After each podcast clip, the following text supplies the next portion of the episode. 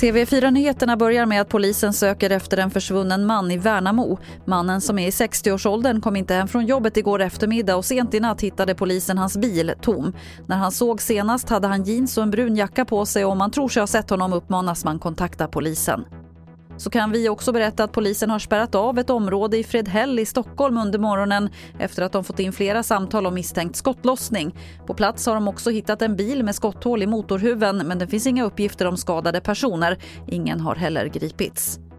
Och till sist kan vi berätta att de restriktioner som gäller på spelmarknaden under coronapandemin, som till exempel en insättningsgräns på 5 000 kronor i veckan och ett bonustak, de ska fortsätta gälla. Det sa socialförsäkringsminister Ardalan Shekarabi på en pressträff för en stund sedan. Det finns en risk för att det rådande läget med ökad social isolering, arbetslöshet och ekonomisk osäkerhet leder till att människor med risk för problemspelande spelar mer. Dessa risker behöver motverkas. Och mer från pressträffen finns på tv4.se. Och det var det senaste från TV4 Nyheterna. Jag heter Lotta Wall.